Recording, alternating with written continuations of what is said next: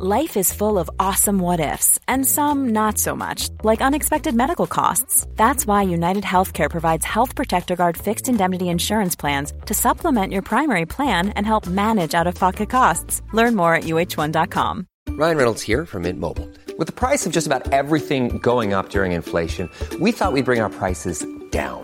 So to help us, we brought in a reverse auctioneer, which is apparently a thing. Mint Mobile unlimited premium wireless. Ready to get 30, 30, bit to get 30, bit to get 20, 20, 20, bit to get 20, 20, bit to get 15, 15, 15, 15 just 15 bucks a month. So, Give it a try at mintmobile.com slash switch. $45 upfront for three months plus taxes and fees. Promo for new customers for limited time. Unlimited more than 40 gigabytes per month. Slows. Full terms at mintmobile.com.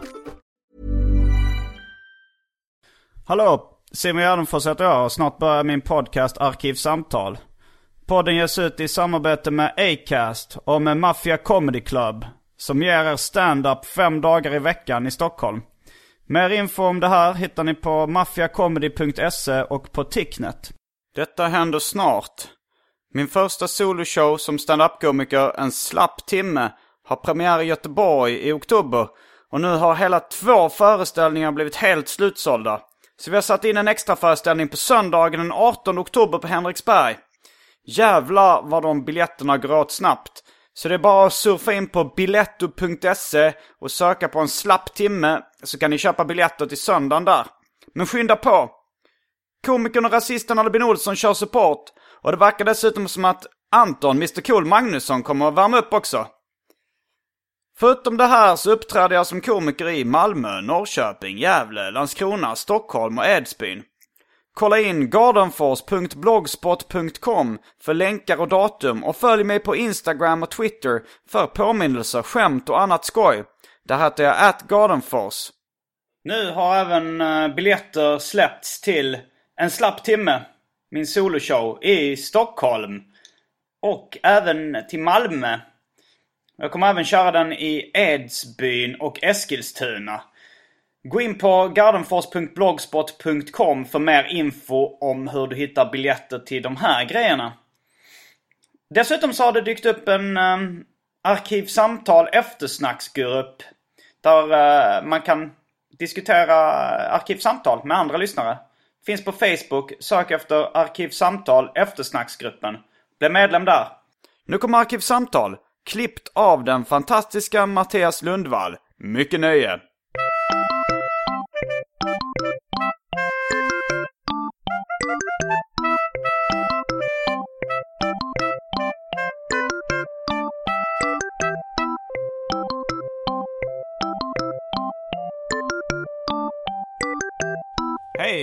Hej. Hej och välkomna till Arkivsamtal. Jag heter Simon Gärdenfors och mitt emot mig sitter Johan Wanlo. Ja, Eh, och eh, hur eh, presenterar du dig själv till vardags? det beror på vem, vem jag vill impa på. Om, jag- om jag vill eh, liksom jämnåriga sådana som du så är det serietecknare. Eh, Och, och vill jag göra mig märkvärdig i föräldramötessammanhang så är det barnboksförfattare. och eh, om du ska ta ett banklån? Då får jag väl nog säga illustratör. Okej, det låter, låter seriöst. Eh, Gör grafik i kvällstidningar, eh, fast jag inte gjort på länge. Mm, just nu, vi, jag, är, jag är fortfarande i Göteborg. eh, I uh, Agros lägenhet. Känd som The Swedish Batcave. På, Ja, herregud vilken fantastisk plats. Det på Instagram heter den. Swedish, Swe- eller bara Swedish Batcave tror jag. Han samlar på läderlappsrelaterade saker. Mest eh, figurer. Och, och du har ju ett visst läderlappsintresse också. Ja men det är ju mer att jag har ett allmänt serieintresse. Men, men i, i den här, ursäkta om jag, jag vänder mig bort här, för liksom, jag kan liksom inte se mig mätt av denna lägenhet. Men- Det hänger oöppnade action figures förpackningar på, i, på väggarna och han har en Batman-gardin. Det är liksom så jävla gött. Lite upphetsande. Ja, verkligen. Men, men just innan Agro stack ut härifrån så började ni prata om obskyra tecknare och du sa oj, jag- jag är så glad att någon förstår vem Abba Shudabba är. Eller han hette inte Abba Shudabba men... Nej, så här var det. Jag fick, jag fick, jag, vi fick ett glas till Välj drycken. Och då sa Johannes så här. Det är ju klart att Johan ska ha Neil Adams-glaset. Det är en Batman-tecknare. Ja, det är en Batman-tecknare. En legendarisk Batman-tecknare. Och då tittade jag på glaset och så sa jag App, app, app. Jag tror allt det här är José Garcia Lopez som har tecknat det här. Även känd som Abba Shudabba. Eh, Neil, Neil Adams är ju en eh, skön lirare. Han, eh, han är ju s- gammal serietecknare. Men han är också tokig har jag fattat det som, för att han håller på med, en, han har hållit på med ett seriealbum i flera år nu som, ska handla om, som handlar om hans teori om hur jorden växer inifrån. Kontinenterna flyttas inte, utan det är jorden som växer. Expandera in från kärnan. Ja, visst. Alltså i och för sig, jag tror att jorden växer. Jaha. Eftersom solljus är ju en form av energi. Mhm. Det är ju som att man spraylackerar jorden med någonting. För det är ju materia som kommer, liksom, alltså solstrålarna. Det kanske är eh, lite åt gången, ungefär som att du sprayar en tennisboll. Okej. Men tennisbollen ökar ju faktiskt i volym och vikt när du sprayar den med sprayfärg. Menar du liksom att stenen växer och att, att liksom, alltså av... Jag menar att solen, att energin, det är materia som kommer i små, små partiklar från solen som träffar jorden. Okej. Eh, och då är det ju som att, ja men som, tänk att du sprayar Ja, en tennisboll ja, med sprayfärg. Då växer ju Ja. Mm. tennisbollen i vikt och massa. Och på samma sätt så borde ju jorden växa hela tiden. Det blir ju bara fetare och fetare i västvärlden. Nu tycker jag du kommer bort från ämnet. Ja, men- ja, men det var, då är det väl du och Neil Adams då? Jag vet inte om jag anser mig själv vara galen för att jag... Jag tror inte Neil Adams anser att han själv är heller. Då tycker du jag är galen? Nej. Det var ju en hållbar teori. Det är väl inte i västvärlden man blir som fetast nu, nu är de fattiga länderna, det är de som blir tjocka. Tables turned motherfuckers.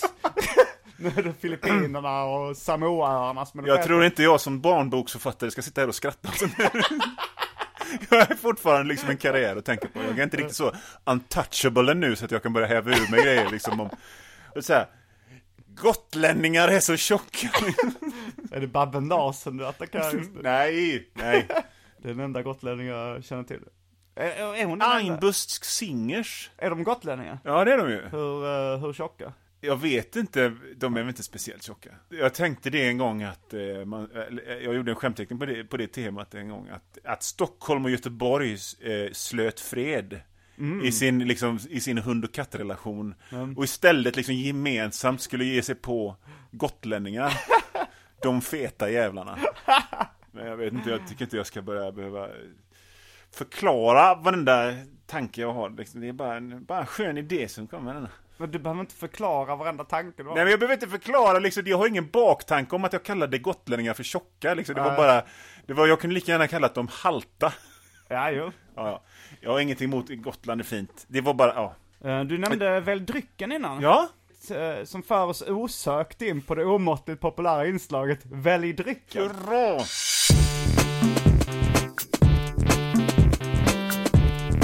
Jag tror vi börjar med det fasta Välj drycken! nu ska jag försöka hålla i huvudet vad som finns i Agros kyl. I och för sig så ligger den väldigt nära, men det finns Crystal Head Vodka. Som allting nästan i Agros liv. En populärkulturell Ja, är det den här. Indiana Jones, eh, alltså Crystal Head som i, i krist, kristalldödskallen? Det är en kristalldödskalle, men det är tydligen Dan Aykroyd som har varit med och tagit fram den. Det är därför agrodäckar den. Och det är en vodka som ska vara filtrerad genom diamanter. Okej. Det, det är ett alternativ. Ja. Sen så har vi två olika folköl från Lidl. Alltså, jag ska hämta den, för kylen står ju väldigt nära. Ja, ja. Jag brukar gå till Lidl eh, varje gång barnen ska ha eh, kalas och jag ska köpa billigt godis. Och det, det är liksom, just det kak och glassutbudet som finns på Lidl är ju helt fantastiskt. Ja. Men det- Alltså jag vill bara köpa allt. Men det är ganska mycket B-märken också väl?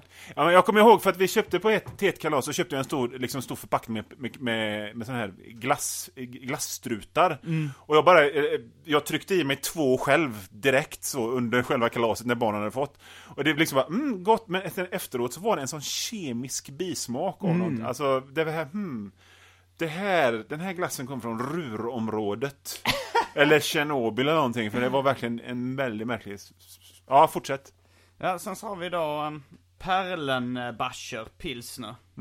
En flasköl. Varför köpte du dem? Var det liksom så här, Jag var själv lite sugen på att dricka folköl. Och sen tänkte jag så här, vi behöver med lite mer dryck. Jag tror han har i stort sett bara uh, Crystal Head vodka och vatten annars. Mhm. Sen köpte jag en uh, Finkbräl, för att det var ett roligt namn. Det är också en folköl. Nej, den är alkoholfri. Den är helt alkoholfri. Jaha. Nu blev, känner jag mig våldtagen när jag sa att den var alkoholfri. Men den andra är 3,5. Eh, sen tror jag det finns vatten bara och eh, ingenting mer. Och du kommer få dricka det ur Abba Shudabba-glaset. Abba Shudabba-glas, den berömde Batman-tecknaren Abba Shudabba. Eh, Men vet du, jag testar, eh, jag, jag, har, jag har grejer att göra sen, så jag kan testa den alkoholfria Fink Brow. Ja men vad trevligt, då tar jag den alkoholhaltiga. För jag är väldigt nyfiken på hur en alkoholfri öl smakar.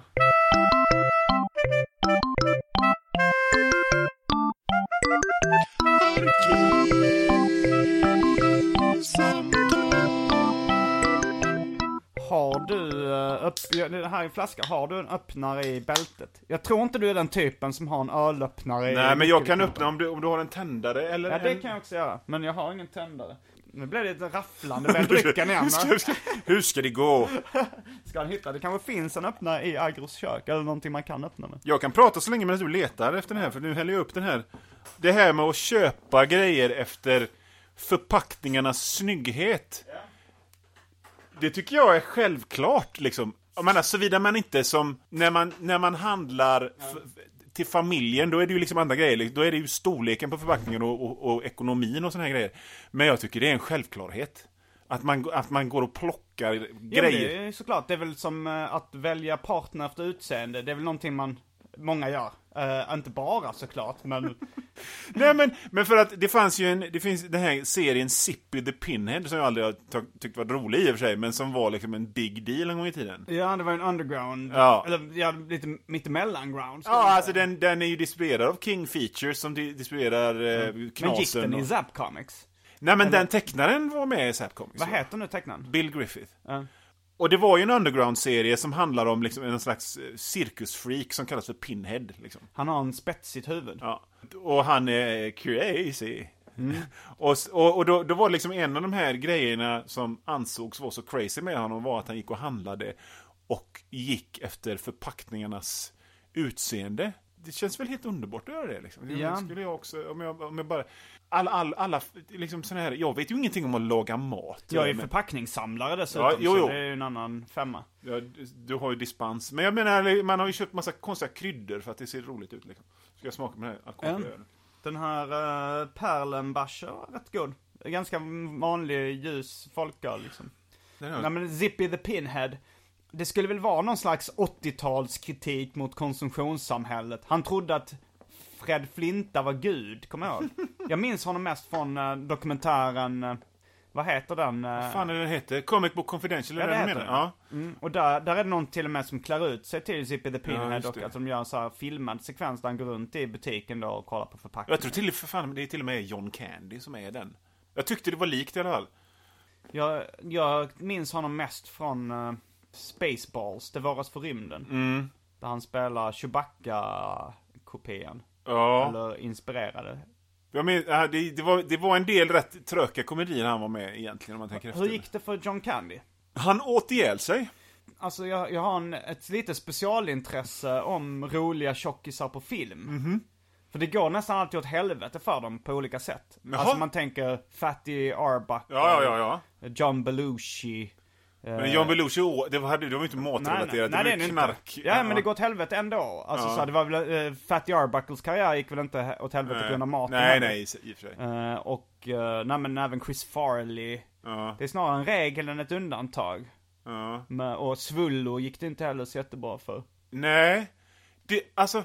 för det, men det finns väl säkert någonting där med om man har vuxit upp kraftigt överviktig och kanske har känt sig lite utstött eller Ja. något sånt där. Och sen får det här berömmelsen Ja. snabbt. Nej men så här, Robert Crumb som då var, om vi nu ska gå vidare på Zap Comics-spåret. Han snackar om det att han var en utstött eh, pojke. eh, som liksom gillade att vara för sig själv och teckna. Mm. Och sen när han slog igenom som underground serietecknare på 60-talet. Då ballade ur. Och han började knarka liksom. Mm. Okej. han, han, han sa det att det är en lite farlig kombination det här liksom när man får det är kanske som att få typ en heroindos väldigt snabbt. En Ja, stark ja, dos. Att det är såhär, oj, man kan inte riktigt hantera det. Men jag, har tänkt, jag har tänkt på det rätt ofta, eh, om man nu ska vara seriös en stund, att i gällande min karriär, att Mm.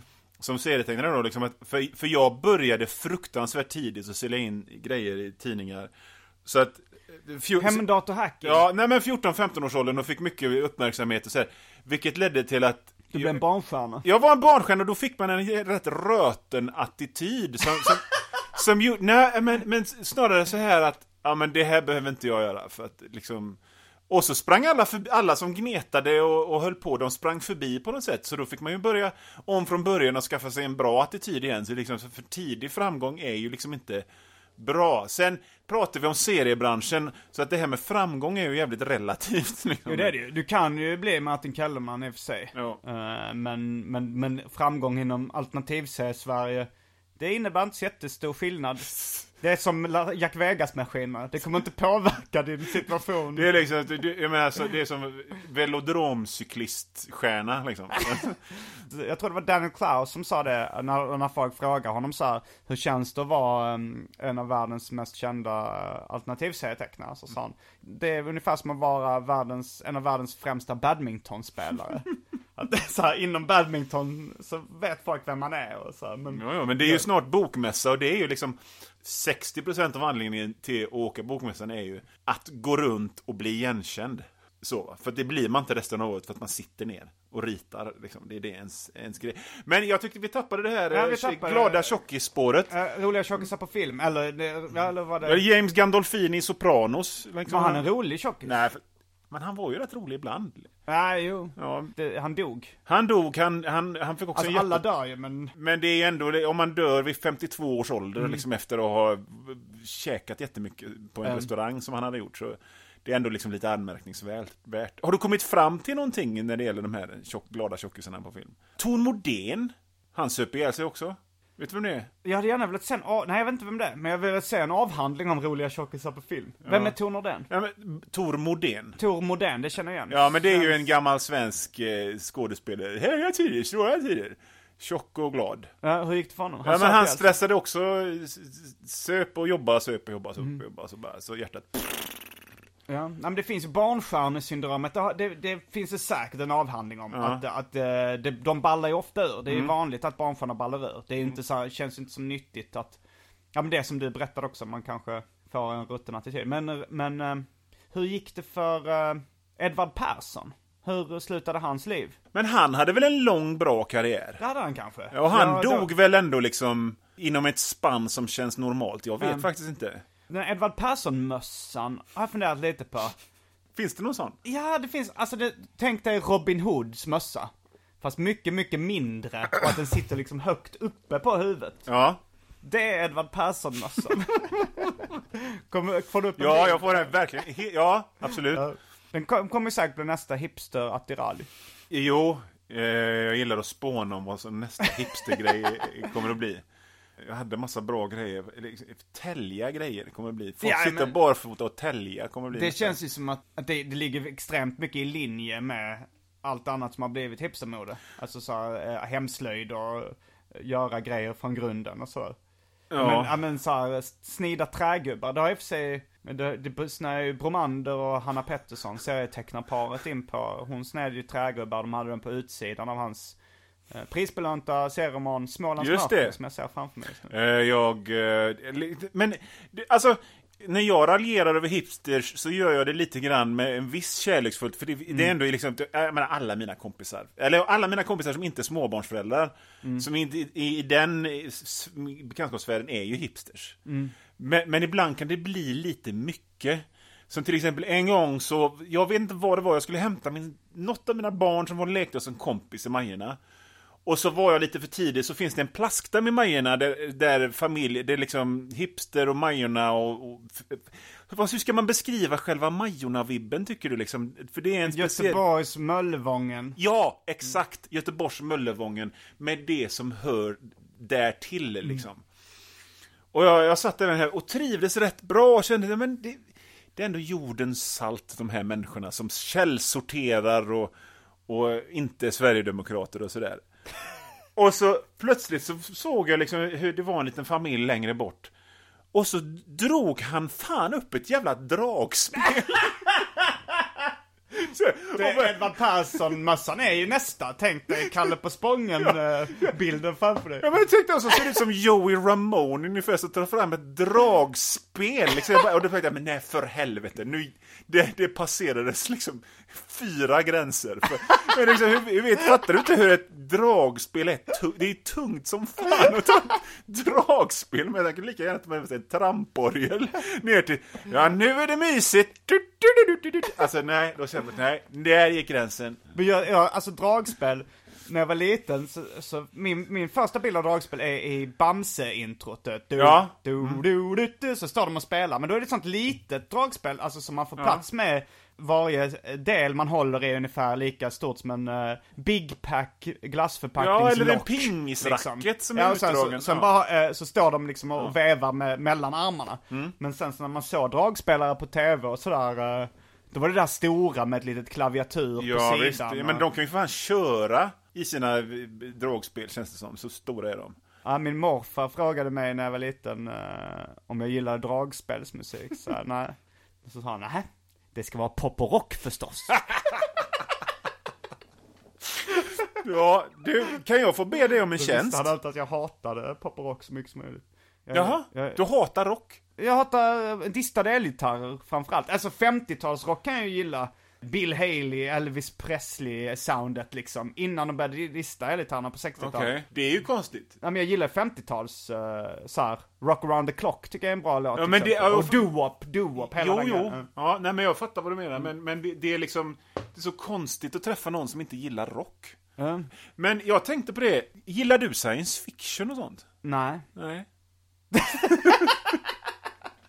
Varför tänkte du Nej, nej, för jag tänkte på det, det, för jag lyssnade på det här programmet när Kim W Andersson var här. Mm. Och, och du hade det favorit, så till slog det mig liksom att, nej, du gillar nog självbio och, och liksom... Alltså humor och realism har jag Ja. tjatat ut. Det är till och med så att mina nära vänner, bland annat eh, komikern och rasisten Alban Olsson, han är så trött på att säga det så att han gör någon slags slapp imitation av mig. Jag gillar humor och realism. så fort han då tar upp något sånt där om, så här, ska du säga den nya Star Wars-grejen, eller sånt där, och sen kommer han på, nej, du gillar humor och realism. Ja, ja, ja. och det är väl sant. Ja, för att du har inte den nördbakgrunden som de flesta andra har. Eller stickspåret som kom i och med 90-talets alternativseriegrejer med Dan Close och Chris Ware och allt det där. Var starkare för dig på något sätt? Ja, jag ska dra en snabb eh, eh, historia av min, mina populärkulturella preferenser.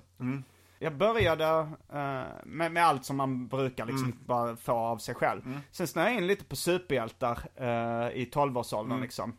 Och gillade, ja men när Frank Millers Daredevil eh, fanns i svenska serietidningshyllor så tyckte jag det var skitfett. Och Ninjas och hela den biten. Och Masters of the Universe och jag gillar ju Star Wars också liksom och samla på gubbarna och sånt där.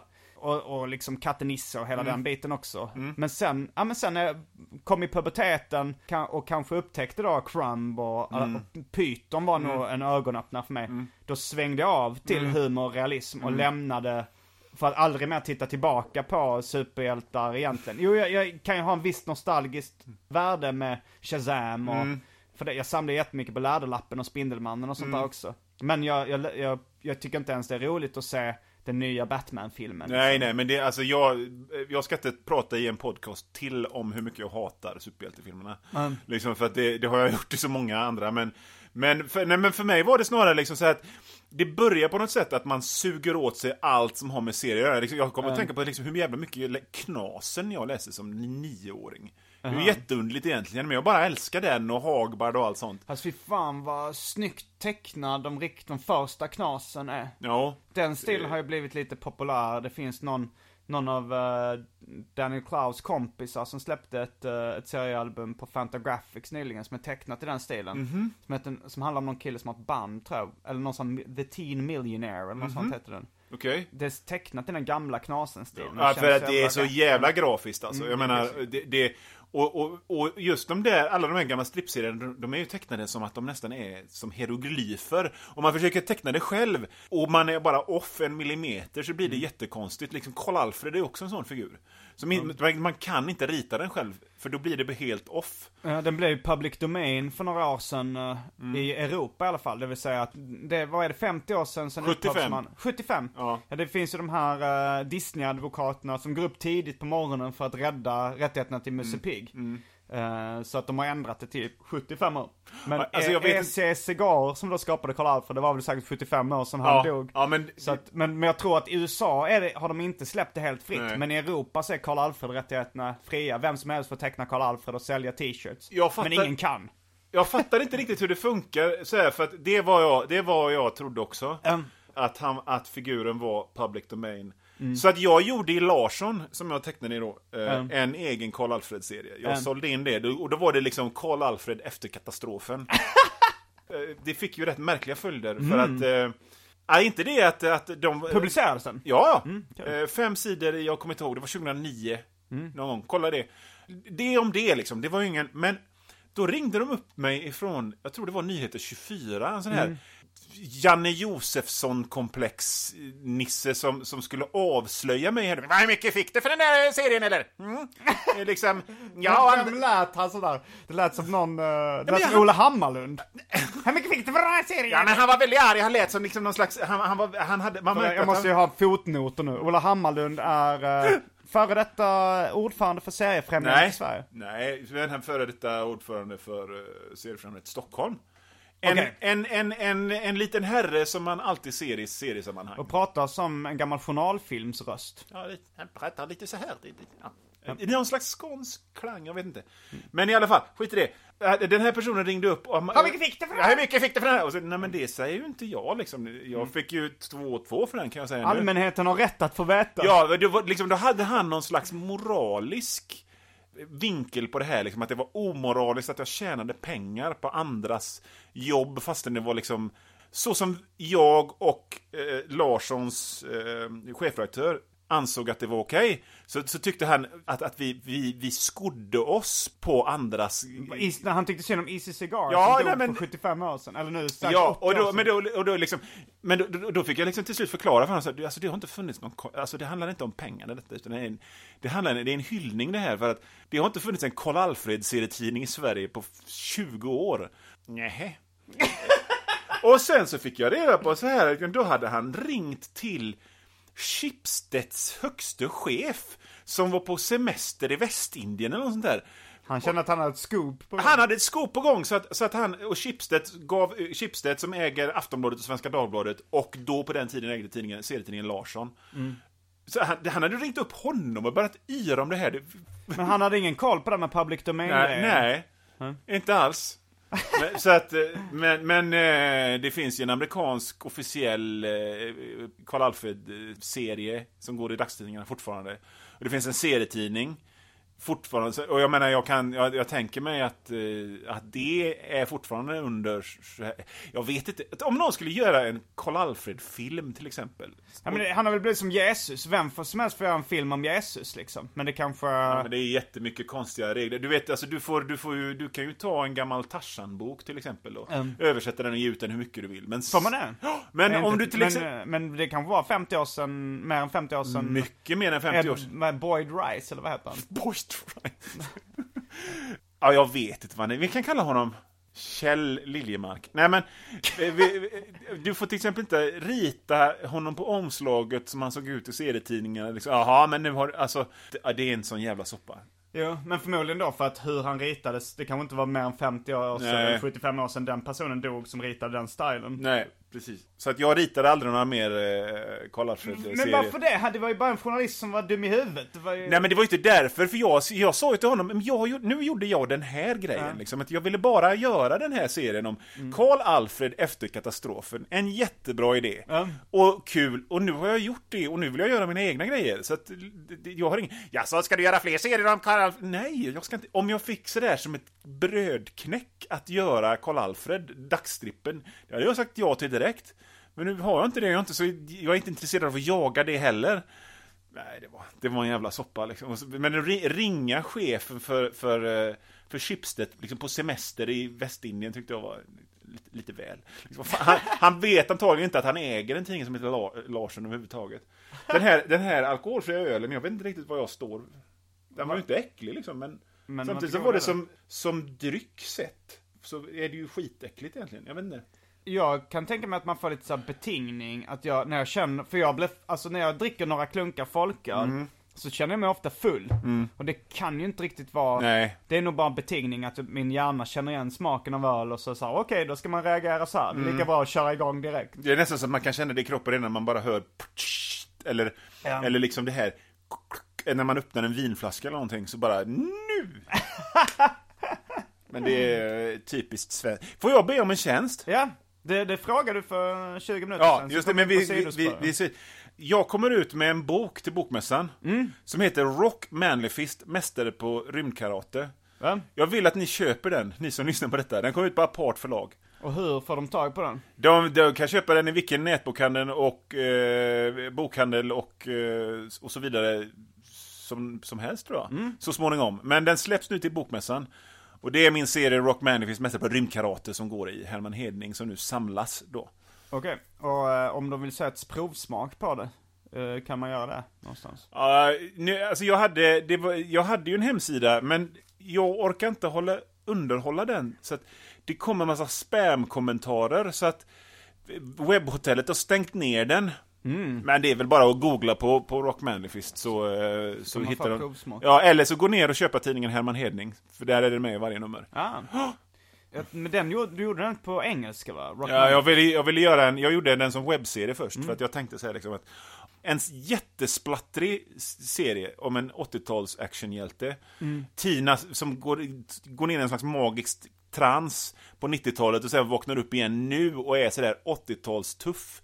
Den får jag inte insålt någonstans liksom. Så att jag, så att jag gjorde den som en webbserie först, men sen så ville de ha den hemma i Hedning, så nu är den Eh, jag tänkte så här att, eh, att jag skulle bli en stor känd internationell webbseriestjärna också, men alla, alla läsare fanns i Sverige ändå. Så att Mm. det var liksom, jag hade några hundra läsare i USA och typ en i Uganda och eh, två i England och så Det fanns så- ju en, jag känner till en svensk internationell webbseriestjärna. Uh, René Engström. Just det. Eh, jag kommer inte ihåg vad hennes serie Anders hette. Loves Maria. Anders Loves Maria. Ja. För jag kommer ihåg det, att jag hade, jag hade ingen koll på liksom hur stor den var. Eh, men när jag kom till USA till en seriemässa då i Maryland, Ja. Small Press Expo där. Ja. Då var när folk hörde att jag var från eh, Sverige så Oh, do you know Renee Ja. Engström? Do you know? Att hon var rätt stor liksom. Jo, jo, för fan. Jag menar, det var väl en... Och hon berättade för mig att hon hade 50, bes- 50 000 besökare varje avsnitt. Jag menar, Mm. det är ju grymma siffror. Jag kom aldrig upp dit. Och sen, men, men jag hade ju helt fel för att, jag menar, nu, nu betalar den serien typ halva hyran och jag... jag Eh, har- Jaha, för att på Ja. grund av att den går i Herman Hedning och så. Ja, och sådär. Så att det... Ja, det är Nätet är en fluga ändå bara. de här kärleksprojekten. Det, det var också liksom, men den här podcasten trodde jag inte heller att det, det var också, jag gjorde den som en Rock Manly-list eh, projekt. Men ja, jag upplever ungefär samma sak. Eh, jo men René Engström, vad hände med henne sen? För att hon fick väl massa erbjudanden från förlag. Ja. Jag frågade henne om det, hon sa ah, men jag var inte riktigt nöjd med någon. Sa, Det släpptes aldrig som bok. Nej men till mig så sa hon liksom att, att, att, att se, se liksom hon hade inte bestämt sig för någon, något format från början.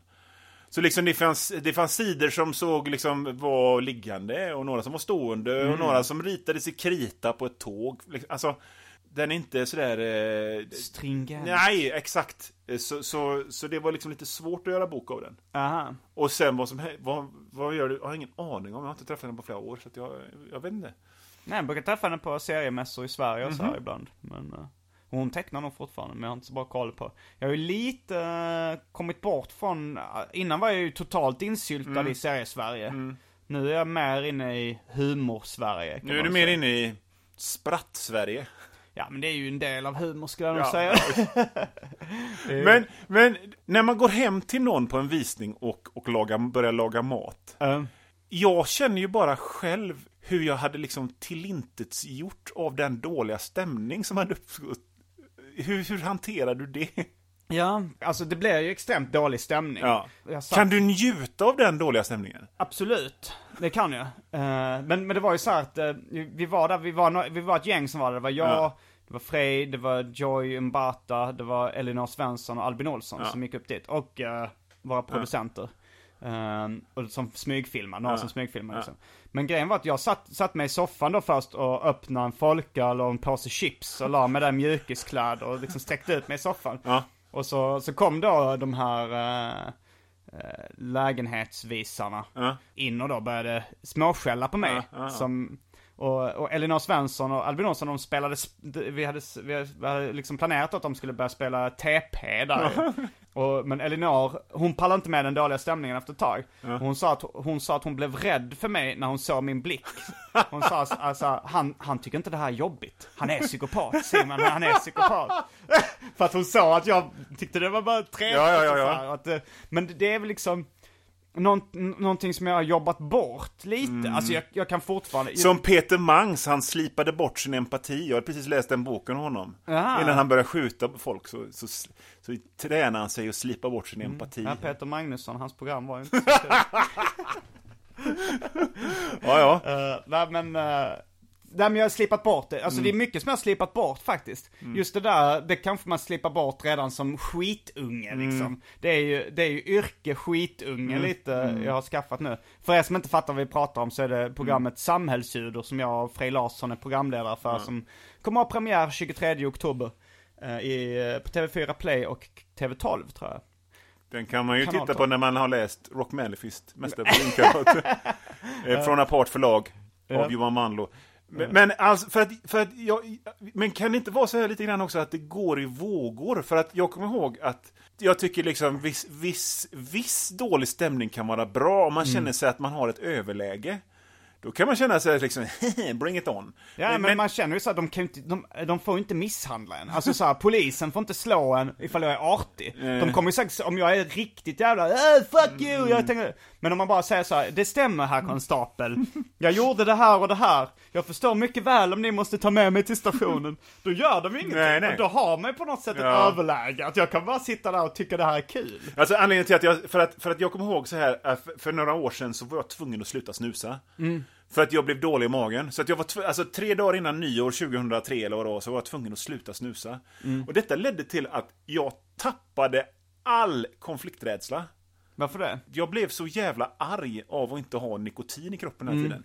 Så att Så du ville bring it on? jag, jag ville bring it on. Och jag, jag, jag, alltså, för jag, jag, jag är en sån person som är liksom, jag, jag, jag friar hellre än fäller och jag, liksom, jag, jag backar för att jag inte pallar. Så här. Men, men då, då kom jag i ett läge när jag, jag kände mig alldeles mäktig och kraftfull. För att jag, jag, jag, jag bangade inte för någon, du vet jag skällde ut jag gick med barnvagnen och, och le- några byggarbetare ställde sig i vägen så att jag skällde ut dem och bad dem flytta sig på sig. Liksom. Och massa sådana grejer hela tiden. Och jag kände mig alldeles mäktig och kraftfull. Som jag fått någon slags superkraft. Jag kände mig liksom lite grann som någon konstig magiker som hade öppnat någon slags ont, ond kristall eller någonting. För jag kände mig alldeles ja, extra stor på något sätt. För, att jag, för att jag plötsligt pallade att ta, ta bråk. Och jag, du vet, om, om folk gav mig skit i jobbet eller någonting så, så gav jag lika mycket skit tillbaka. Och det fick- gav bara bra resultat liksom. Jag, men sen så, så avtog det och det försvann. Jag kan ibland känna liksom vad jag saknar det på något sätt. Att, Du gör det? att, att jag önskar jag kunde bli sån igen i, i lägen. Att jag kunde koppla på det där. Och, Jag har inte riktigt känt det, men jag har haft eh, liksom dels eh, en kompis som verkade liksom ha eh, deprimerade och psykiska problem, som berättade om det här liksom, att han går på stan, så blåser vinden liksom och han, tänker så att uh, mössan eller kepsen flyger av liksom. Och så kommer någon, och så för, föreställ, han berättade att han föreställde sig i huvudet så att, och någon skulle skratta åt det, och då skulle han gå fram och bara Vad fan skrattar? Alltså så att han nästan hoppade Ja, ja, ja, för att han skulle, för han, var, han mådde så dåligt inombords. Okej, mm. Eh, Men jag tänker också på, det finns en serie av eh, Ivan Brunetti Ja. i, eh, i det här jättestora numret av Schizo. Som, Ja, men där, där, där, han, där han går på gatan och liksom tänker så här: fy fan vad jag hatar den här världen. Och han, han är deprimerad Mm. och sen så, eh, så tänker han nästa jävel som provocerar mig ska fan eh, bara trycka ner Mm. och sparka ut tänderna på liksom. Så här. Och, och sen så går han och så, och så är det några barn som han går förbi på gatan. Mm. Och så säger de, frågar de eh, så här, Mr. Uh, vår boll har eh, rullat under eh, grannens häck eller vad det är. Mm. Alltså, det har kommit in på grannens tomt och vi vågar inte gå dit. Kan du hjälpa oss? Och så hjälper han dem. Och sen så, då, då, då får han någon slags så här känslomässig, eh, han, han bryter ihop lite känslomässigt då för att de här snälla barnen bad honom om hjälp och, och sen så börjar han, får han tårar i ögonen och känner jag är ett monster, jag vill förändra mig.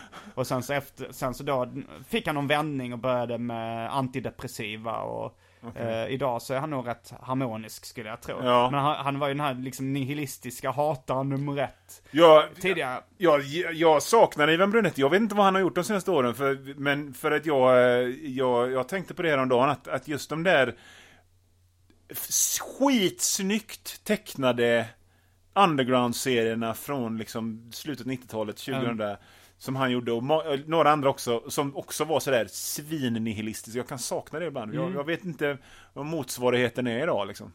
Och jag vet inte vad han gör för att jag köpte någon bok som hette eh, det, det var Aesthe- Aesthetics. A memoir. Ja. Den, Och han det var- skrev att den titeln var ett skämt. liksom.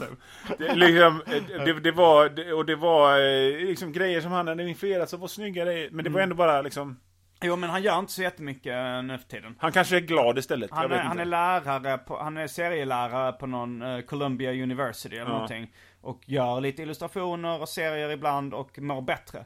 Men det, det är väl kanske så att vissa människor skapar som bäst konst när de mår rätt dåligt. De, Ja, det, det är möjligt. Och så sen så har de inget behov av att göra det heller liksom, för att de är, jag menar, de är inte karriärister utan de bara, de, de ville bara, ja, nej.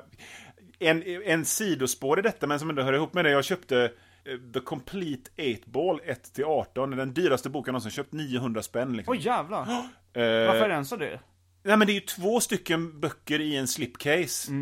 Som är svinsnygga liksom. Mm. Eh, med eh, all, hela, eh, komplett 8-ball 1 till 18. Det är då serietecknaren Daniel Klaus. Just som det. vi har nämnt rätt många gånger i den här podcasten faktiskt. Ja. Även om det inte, om, han är nog inte med på min topp 5. Kanske med på min topp 5 favoritserier. Men det, alltså, det, är så, det är så märkligt för att jag skulle inte säga att han är på min topp 5 heller. Men på något sätt så, så när jag läser det så inser jag, men fan, jag är ju skitinfluerad av honom. Mm, det har man ju sett, alltså redan Ja. från början när du började teckna. eh, jag minns insändarna i Homemade Comics, där, eh, där det är många som skrev då att du eh, nästan uh, plagierade lite Daniel Klaus tecknarstil. Ja, jag, men jag hade helt glömt av hur jävla mycket jag liksom blev, var superpåverkad av honom.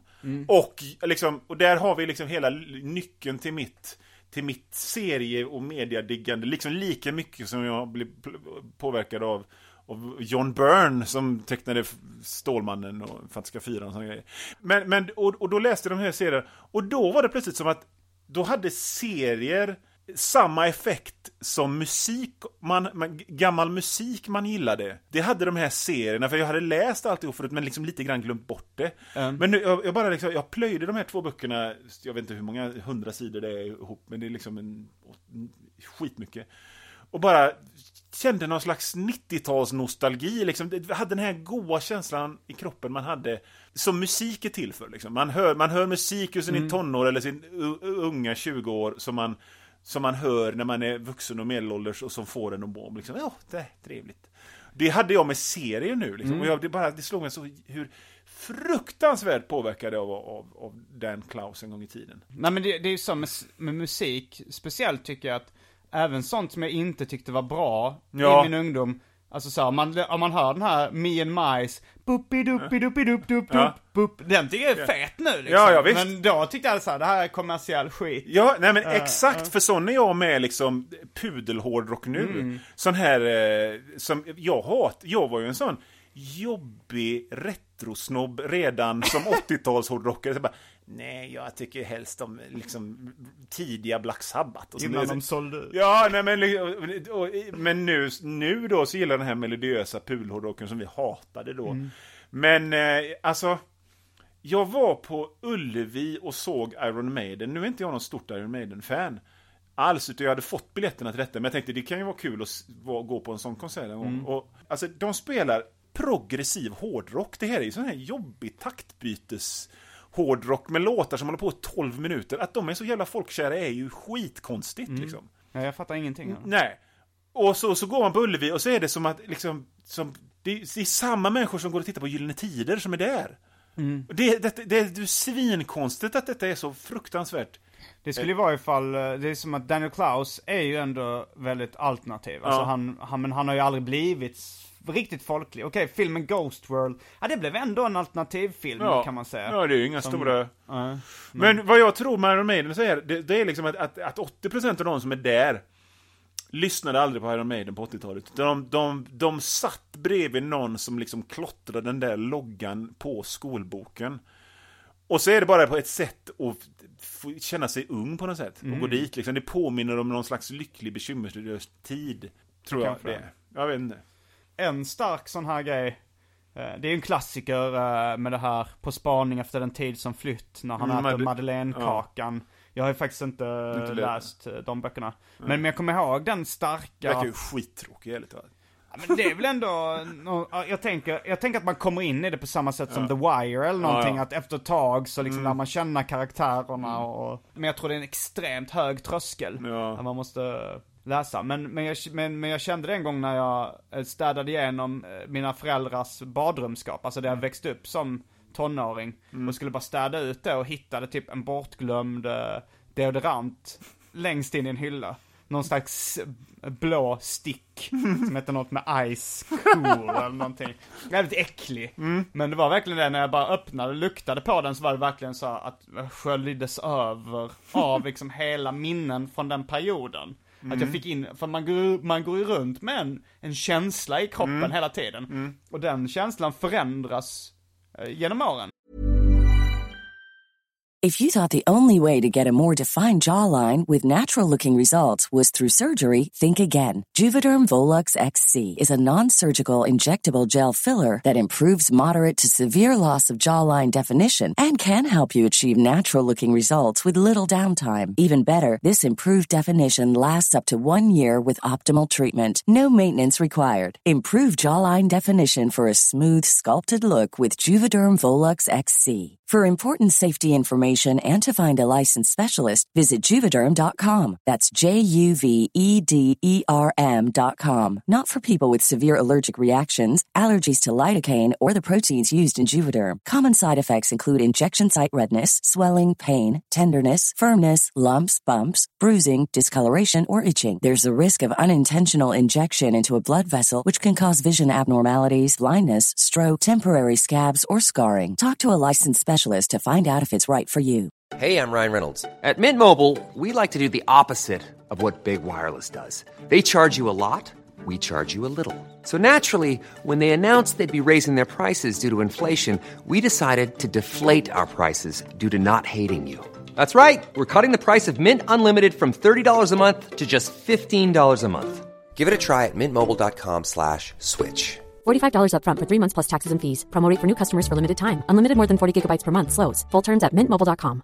Quality sleep is essential. That's why the Sleep Number Smart Bed is designed for your ever evolving sleep needs. Need a bed that's firmer or softer on either side? Helps you sleep at a comfortable temperature? Sleep Number Smart Beds let you individualize your comfort so you sleep better together. JD Power ranks Sleep Number number 1 in customer satisfaction with mattresses purchased in-store. And now, save 50% on the Sleep Number limited edition Smart Bed for a limited time. For JD Power 2023 award information, visit jdpower.com/awards. Only at a Sleep Number store or sleepnumber.com.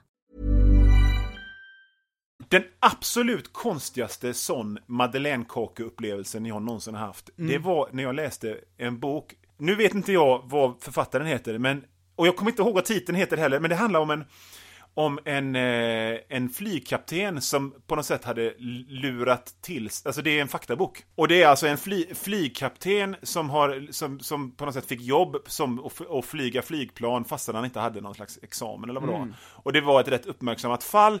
Och eh, den här snubben är ju en uppenbar mytoman då liksom, så att han skrev sin egen, eh, han skrev, och boken uppdelar sig att han skrev sin egen eh, Självbiografi. Ja, självbiografi. Det är första halvan av boken. Andra halvan av boken är liksom den journalistiska texten om hur boken blev till och hur... Var, vilket land kommer han från? ja, men Sverige. Han jobbar som flygkapten utan att vara flygkapten. Ja. Okej. Och han är ju alltså total mytoman den här, Mm. den här personen. Men just, jag hade en kompis när jag var liten som var total mytoman. Alltså från det att jag gick i fyran till nian. Har du något exempel på lögner han kommer? Oj. Den, den, den bästa var nog när vi var ute, för att han rökte, han började röka tidigt. Så det var ju kul Mm. Hur gamla var ni ungefär? Eh, han, vi, vi gick väl i åtta någonting. Okej. Och så, att, så att man kunde sticka iväg och smygröka med honom när han var ute och gick med sin hund. Då, eh, så då var vi ute och gick med hunden, eller han var ute och gick med hunden, så frågade jag, kan jag få hålla i kopplet? Nej. Nej, varför inte? Nej, men hunden är inställd på mina vibrationer. Om den, får känna någon annans vibrationer, då sprängs huvudet på den. Och detta sa han helt matter of fact. Liksom bara. Du, du vet, som jag sa, som om du hade frågat vad klockan var. Jag sa, ah, kvart i två. Du vet, det var liksom... Ställde du några följdfrågor? Nej. För det, och du vet, eh, alltså det, det, det, var, det var den absolut bästa. Men jag menar till exempel han, han, han flög helikopter och vi snackar om en, vi snackar om en tjock kille med krulligt hår och pilotbågar glasögon. Du har tecknat honom ganska många Eh, gånger. Ja, det har jag gjort. Och som, eh, liksom, du vet, hans kvinnohistorier som han drog på måndagen. Om att, ja, nej men jag körde, hon var naken bak på motorcykeln och vi... vi, vi var 15-16. Och eh, det bästa var väl när vi var hemma han, han började prata med någon lärare om att han hade byggt ett, ett, ett, vapen som kunde känna igen folk som var onda. Alltså, det, du vet, det var en outsinlig källa av sånt där hela tiden. Och när jag läste den här boken, förlåt att jag inte kommer ihåg vad den heter, men eh, En bluffpilots uppgång och fall något sånt där. Då jobbade han på, eh, då jobb, beskrev han hur han jobbade på eh, någon bokhandel och hade hand om kartor och här han då i förbefarten avslöjade några ryska spioner som, som var där och skulle köpa kartor då liksom. Och det blev skottlossning och jag kände bara men det kändes så tryggt på något sätt. För att den här, han den här mytomanen var ju ändå min kompis och vi umgicks och han var ju rätt rolig att hänga med. Och när jag läste den här boken så bara, jag blev så åh men det kändes tryggt med de här helflängarna, löj... Så det var nog, det är nog den mest konstigaste sån min Madeleinekakeupplevelsen jag haft i mitt liv. Att beskrivningen av den här mytomanen fick mig att tänka på min barndom eftersom jag hade en mytomankompis liksom. Ja. Och det, äh, men kompisens mytomani var ju av det här arten att det bara var liksom alldeles uppenbart vad det var för slags lögner han... Alltså jag menar, det var inte det att han var beräknande och ställde till det eller något sånt där. Eller försökte utnyttja en eller liksom, det var inte det här psykopatköret. Utan det var bara, han tyckte om att berätta jävla skrönor bara liksom. Ja. Och det, det var lite, så det var, det var en rätt skön mytomani på något sätt. Ja, det är, väldigt intresserad av ämnet. Jag har gjort en eh, serieroman som handlar om det också, som heter Lura mig. Som handlar om lögner och mytomani. Och jag har haft många eh, folk som ljuger mer eller mindre liksom, runt omkring mig. Jag tror det är en ganska lätt psykologisk förklaring som kanske inte stämmer. Det här att det är någon som har haft det väldigt svårt och liksom kanske utsatt för trauman på något sätt som sen liksom ljuger för att fly verkligheten. Frågan är om det alltid stämmer eller om det bara folk, om det bara blir så kanske. Att folk bara ballar ur liksom och, och börjar ljuga sig in i helvete. Jag vet inte faktiskt. Nej. Det har, det har skrivits extremt lite om uh, mytomani. Jag försökt, när jag skulle göra research så fanns det inte så mycket att läsa om ämnet. Nej. Och folk verkar inte riktigt vara överens om vad det handlar om. För alltså det som, Görel Kristina Näslund var väl den eh, psykologen i Sverige som eh, verkade vara mest insatt i ämnet. Men eh, och hon har skrivit en bok då som heter Lär känna psykopaten. Och enligt henne så är då mytomani bara en del i eh, en psykopatisk personlighetsstörning. Okej.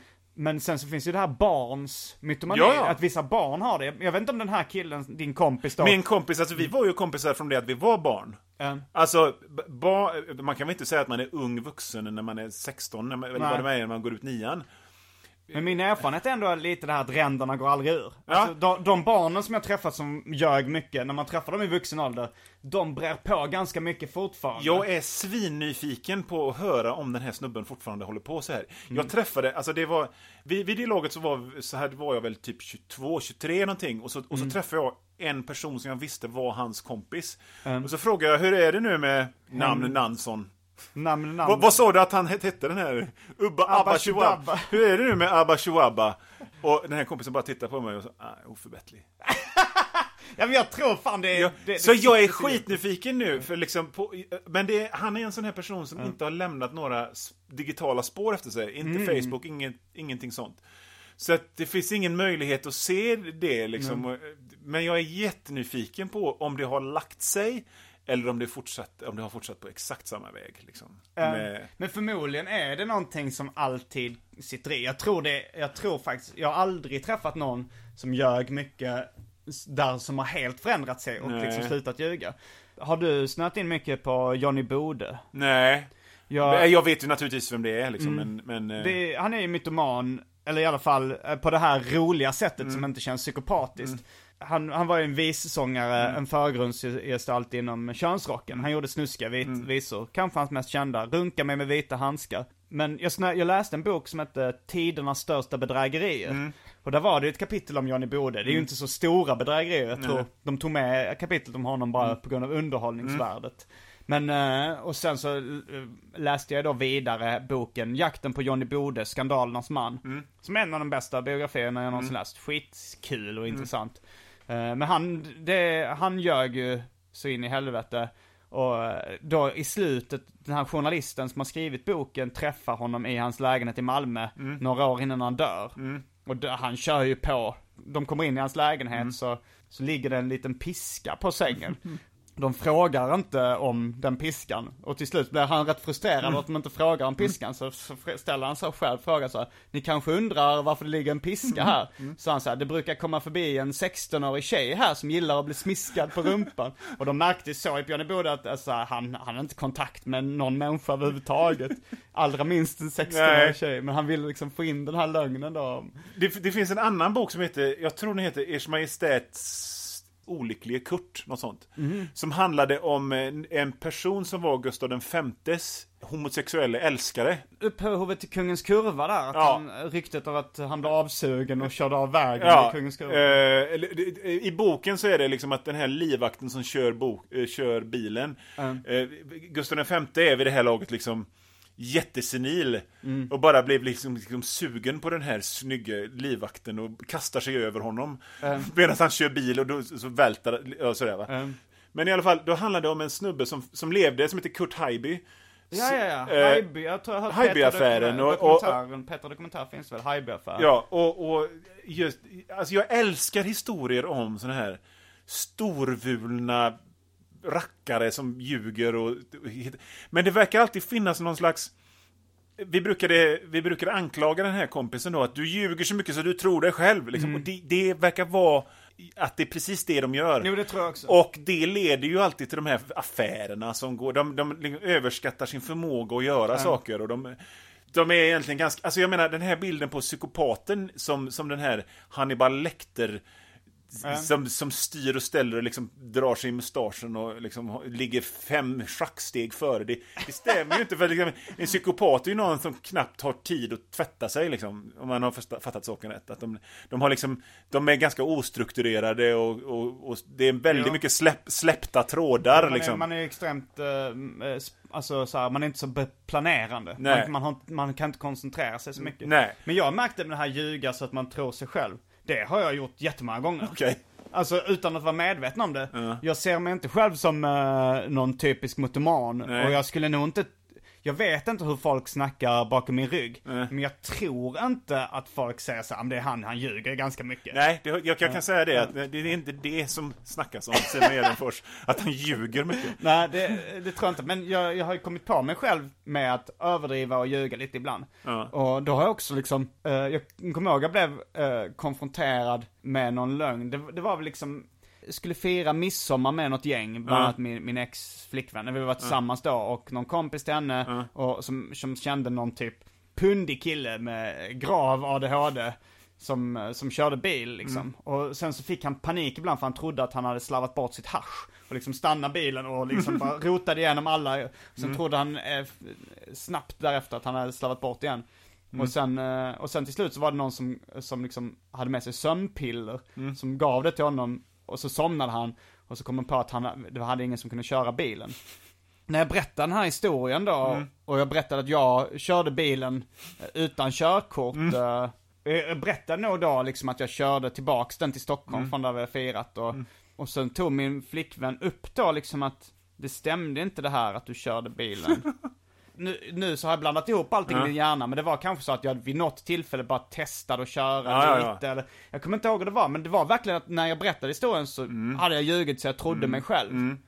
Och jag, jag tror jag kanske lite skarvar Ja, jag överdriver också Ja. jättemycket. Kanske, kanske inte så här i dagligt tal, men när jag skriver och i Twitter och sånt, det, det överdriver jag liksom Ja. allt hela tiden. men det är ju en, en uh, hårfin gräns mellan att vara en bra historieberättare och vara en mytoman. Nej men man måste ju, alltså man kryddar ju lite liksom. Eller, jag gör det i alla fall. Ja, ja, för fan. det liksom- gör det- ju de flesta. Enligt undersökningar jag läst så ljuger helt vanliga människor i genomsnitt två till tre gånger om dagen. Ja. Och det är ju, om du inte gör det så eh, anses du vara eh, jättekonstig. Ja. För då, då är du sån som säger, eh, eh, om någon säger så här, eh, "Kolla, jag köpte en ny jacka. Så är man antingen helt tyst, Ja. eller säger, jag tycker inte den var snygg. Ja, ja, okej. Och då är man ju dum i huvudet. Ja, visst. Då är man ett svin. Man säger, ah snygg. Ja. Det är ju en lögn, men Ja. det är helt Ja. normalt Ja, beteende. Det är väl kanske sådana lögner som, eh, som folk drar. Sen har ju vissa liksom lite halv uh, Aspergers kompisar som Fredrik Jonsson till exempel, han ljuger ju aldrig om så. Han säger ju, eh, jag tyckte din nya bok var dålig, om han tycker det liksom. Vilket han har sagt till mig ganska Okej. många gånger. Jag, jag vill ju liksom inte att folk ska ljuga för mig, men...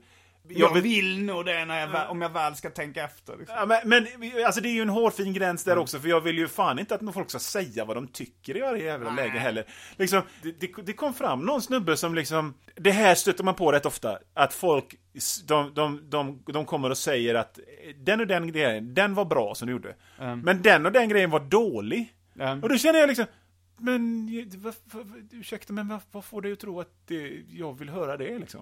Min teori är att folk får lite panik, att de inte vill vara fjäskiga. Ja. Att de inte vill vara fanboys Ja. eller fangirls eller eh, att de säger nu har jag gett beröm, men jag ska, jag ska inte vara en sån här rövslickare. Nej, nej, så nej. jag ska även ta upp något som jag inte gillar. Och det är ju bara dumt liksom. Ja, det är, var gärna en rövsläckare, säger jag. Ja, ja, absolut. Ja, men det, det, det, tänk om du, om du ska ge någon en komplimang, eh, så säger du så, så här, snygg tröja. Men jag har alltid tyckt att eh, du har fula glasögon. det är jättetaskigt. Snygg tröja, men du, du har sån här manstuttar som förstör passform.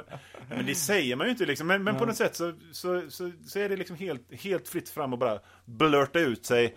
Vad, vad får, så att, så att eh, om du tycker att till exempel Rock Manifest, mästare på rymdkarate från Apart förlag är bra, så får du gärna säga det. Det gillar jag att höra. Men tycker du något annat så, så kan du hålla det för dig själv faktiskt. ja, nej men lite selektiv ärlighet tycker jag är rätt bra. Ja, men man tror nog att man vill ha mer ärlighet än vad man egentligen vill. Ja, Eh, när man väl får smaka på ärlighet så är det inte kul. nej. Det, man vill leva i den här... Ja, Men sen, sen är det ju så här liksom att, att, att, att eh, jag menar, det är ju skitsnack att man på något sätt växer av kritik. Ja, det är det. det har För jag det är ju, det är ju bullshit, det är ju liksom en jävla, liksom ett, ett eh, det är liksom ett uttalande som, det finns ju väldigt många sådana uttalanden, men det, det är ett sånt uttalande som någon har bara dragit ur röven och så har det blivit någon slags eh, sanning. Men det är ju skit. Jag menar om jag, om jag gör saker så har jag en plan. Jag menar jag har en konkret direkt plan vad jag, vad jag ska göra. Och jag gör den och sen är jag inte intresserad av något mer. Sen vill man naturligtvis ha beröm. Man vill ju veta att folk tycker det är... Men när, liksom, när, när, när Sven Svensson kommer, du borde ha... Håll käften, nej. Nej, Det- det, det är väldigt, alltså i alla kreativa yrken så är det så här att folk hatar tips. Ja. Det är så här, även som stand-up-komiker så är det det värsta du kan göra mot en stand-up-komiker är att komma, eh, jag har ett litet tips. Ja, ja, Eh, ja, ja. Det, det, alltså man vill döda Ja, ja, ja, ja, ja, ja, visst. Ja, men, Även om det är välment, så, men- så och gör det inte. Och så sen det här, nu är inte jag, nu har jag aldrig liksom, nu uppträder inte jag med skämt eller någonting. Nej. Men jag har, jobbar ju ändå med humor. Mm. Och det, är ju, eh, det har aldrig någonsin hänt att någon så här har sagt men du, dra ett skämt. liksom. Utan det är snarare så att folk kommer med liksom, du, har du tänkt på att? Och så, så kommer de med skämt. Kommer med förslag på skämt. Eller ämnen man kan ta upp. Eh, Och liknande. Jag, bara, jag, känner, jag känner mig bara helt död inombords när det händer. Jag känner bara liksom att jag... Jag gjorde en serie som hette De sämsta förslagen som folk har tyckt att jag ska göra en serie om. Ja. Top någonting countdown. Ja. Eh, den finns med i min bok Hobby. Förslaget som vann då, det var eh, min morbror som sa att jag, det var min mamma kom in med kaffe. Eh, och så hade hon serverat dem i små mockakoppar.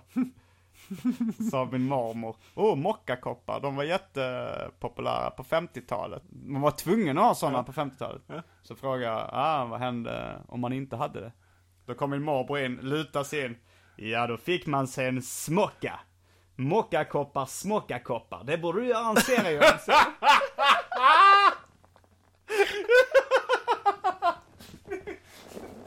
Fan, självgodheten i detta är ju helt enorm. Den är ju så jävla enorm. Alltså den värsta grejen som har hänt mig i den, i den sorry, är, är inte lika slagfärdig. Men det var så här, jag var ute med en kompis. Eh, jag var i 20-årsåldern, vi var ute och drack öl och så, han, han var så här 15 år äldre, den här kompisen. Och han var med sina den här gubbkompisar. Det var precis när Bill Clinton, det var Monica Lewinsky-skandalen och Bill Clinton och sådär. Och, och då, då, då sa han så här. Du, du borde göra så här att du ritar Bill Clinton den här. Och så har han byxorna nere. Och så är den bara så stor vet du. Att du visar Johan en väldigt liten kuk. Ja, och så, och så, och, och så, och så gör du det. Och nu, alltså precis denna pinsamma tystnad. Det var det sämsta förslaget liksom, här, jag någonsin har fått i den. Det har inte hänt mig, men det var, det var en serietecknare eh, som heter, jag tror det är Benjamin Stengård som, Okej. som, gjorde, som berättade om det på sin blogg. Då efter jag hade publicerat den här serien med de sämsta förslagen eh, jag hade fått på att göra serier om.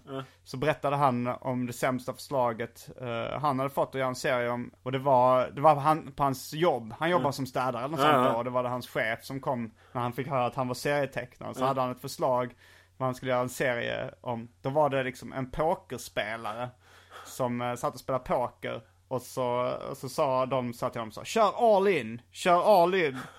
Och sen när han kom hem till sin fru så låg hon där naken och stretade på sängen och sa Kör all in, kör all in. Fast vi skrattar ju. Liksom. Ja, ja, det, det- gör vi ju. Fast det är ju som att man skrattar åt, ska vi säga utvecklingsstörda? Ja. Eh, Det är, man skrattar åt lyten, man skrattar åt någon som är väldigt dålig på någonting. Och när någon är extremt dålig på någonting så kan det bli roligt. Ja, ja, det, ja, det är helt sant. Frågan är om det finns grejer som är så dåliga så att de inte ens är roliga. Eh, jag tänker på den här scenen i då uh, Ghost World som är Ja. Daniel Klaus-relaterad Ja, film ja. kan man säga. Men då Jag tyckte inte om den filmen. Jag tycker serien är bra, men filmen... Jag minns bara liksom att Jag tyckte både, både filmen och serien är bra. Tjejer tittade sig över axeln och såg lite ledsna ut. Liksom. Det var väldigt mycket sånt. Men jag kanske var på dåligt humör när jag såg filmen, jag vet inte. Ja. Men där, där snackar de om så här, eh, om någon skiva som sa, ja men den, eh, den är dålig. Så, no it's so bad it's uh, been good. No it's so bad it's been good and then back to bad again. Ja, ja, ja. Mm, jo, jag förstår. Det är... Mm, jo, lite... Ja. Nej, men kom, som, alltså, kom, sensmoral, kom inte med några jävla förslag Nej. till folk som gör grejer. Det, Jag har dock, alltså det kanske jag inte ska berätta, men jag har ju fått, alltså så här, av andra komiker som är väldigt, som är så här, som jag tycker är bäst i landet, som har kommit med tags på mina skämt. alltså ja. när man har dragit ett skämt och sen säger man en liten extra mening som gör, som bygger på skämtet. Mm. Där har jag fått förslag som jag tycker är roliga och som jag har använt. Jo, jo, men det är ju... Men det kanske inte ska berätta till för vanligt folk. Det är som att berätta så här, eh, nå- någonting med att man bygger på ett vapen. Det är väldigt farligt om det inte är i händerna på experter. Gör inte ditt eget Men nu är det ju ändå yrkespersoner som liksom Ja. vet vad de sysslar med liksom. Och det är väldigt många yrkespersoner som kommer med tips som jag vill döda också. Ja, ja, okej. Väldigt ofta, det är nästan, för de, de kan känna att de har mandat så här, och, och komma med, alltså det, det, jag har en extremt känslig konstnärssjäl på det sättet. Alltså det, att om, om någon bara säger något lite, alltså så här, det är ganska många som blir provocerade av att jag inte har en tjofaderittan-stil på scenen som ja. komiker. Att jag kör ganska mycket deadpan delivery och sådär. Och, och då är det vissa komiker eh, som kommit fram och kommer med tips där kontentan är ett leende kostar så lite. Här illustrerade Johan Wandler någon form av misshandel i luften. Nej men jag, alltså det, det är ju en, det är en fin linje man måste gå med. För jag kommer ihåg när jag jobbade i Python-sfären. Då var det hela tiden så här liksom kom telefon. Kan du inte göra en serie om en kue som är på bingo med MacGyver? Göra, vad, vad, Ja, översätt? ja en, en serie, det, det, det kom väldigt mycket En förslag. kue, vad är kue? En ko. En ko som är på Kue-bingo med MacGyver och det, det, ja. kobingo med MacGyver. Jag försöker bara Ja. liksom baka ihop alla flängda jävla idéer som jag liksom till, till, till en. Och, det, var- det, var, och det, det, det var verkligen aldrig att less var more, utan bara more is more Ja. i, i de här. Så att liksom, rite mer, du må, du må rite mer fläsk, fise, om det här fiser bak, för att göra ljudeffekter. Så, att, du vet, liksom, det var all, så det var bara more is more. Python var då en serietidning på 90-talet som var som eh, Svenska Mad, fast om de som inte vet vad Python är vet ju inte vad Svenska Mad är heller. så vi kan Nej, bara- Ja, det var en vulgär serietidning. Och eh, med norska skapare och redaktörer. Jag var på någon sån här Python reunion i Norge. Okej. Alltså, jag var inbjuden till uh, seriemässan då, Oslo Comics Ja. Expo. Och då så var det så här ett föredrag, de skulle släppa någon samlingsvolym av det. Python. Eh, och då så berättade då Dag Kolstad, redaktören, Ja, vi har omslagen här då. Det. Eh, Jag snackade om att till tecknarna att de skulle fokusera på de fyra T'na. Det skulle vara mycket tunga, mycket tänder, talgkörtlar och testiklar. Det skulle vara så mycket sånt på omslaget. Och sen så var när jag var liten. Och nu kom Dag Kostar plötsligt från Värmland. Jag får samma anklagelse när jag pratar värmländska, att det låter som norska. Men, eh, men eh, sen så var det då så, eh, Tommy Sydsäter var då en av mina favorittecknare i Python när jag var liten. Ja. Jag såg honom sitta vid ett bord där, packad, slapp, tillbakalutad. Eh, och jag tänkte, ah, men jag, jag vill ändå liksom eh, visa min uppskattning. Ja. Så, och, och gick fram och, och berättade så här, "Jag är väldigt inspirerad av dina serier, det, det betyder mycket för mig. var ung." Han satt där liksom slappt tillbakalutad, packad, verkade inte lyssna på vad jag sa, tog fram en servett och en penna, ritade ett par hängpattar, signerade dem och gav dem till mig. Det är ändå, det är ändå, jag känner ändå liksom någonstans, det måste ha varit väldigt länge sedan han hade den stjärnstatusen, att han hade rätt att ha den arrogansen inför mötet av liksom en glad publik. För att återknyta till det här med tidig, dålig attityd och tidig framgång liksom. För jag tycker liksom någon slags ödmjuk, ödmjukhet måste ha kommit under de tysta åren. När han, nej, nej, nej. Så det var bara... Ja, ja, ja. Och med de orden så avslutar vi veckans avsnitt av Arkivsamtal. Jag heter Simon Gärdenfors. Jag heter Johan Wanlo. Fullbordat samtal.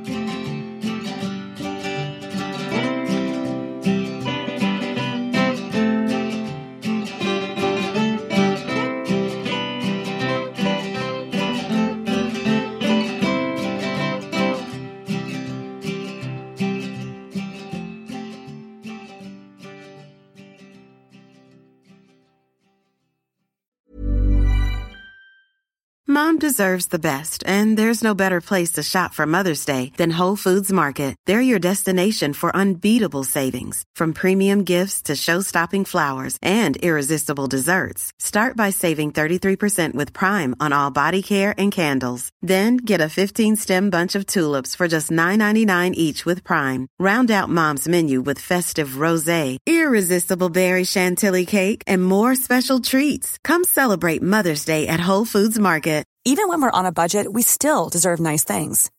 Quince is a place to scoop up stunning high-end goods for 50 to 80% less than similar brands. They have buttery soft cashmere sweaters starting at $50, luxurious Italian leather bags, and so much more. Plus, Quince only works with factories that use safe, ethical, and responsible manufacturing. Get the high-end goods you'll love without the high price tag with Quince.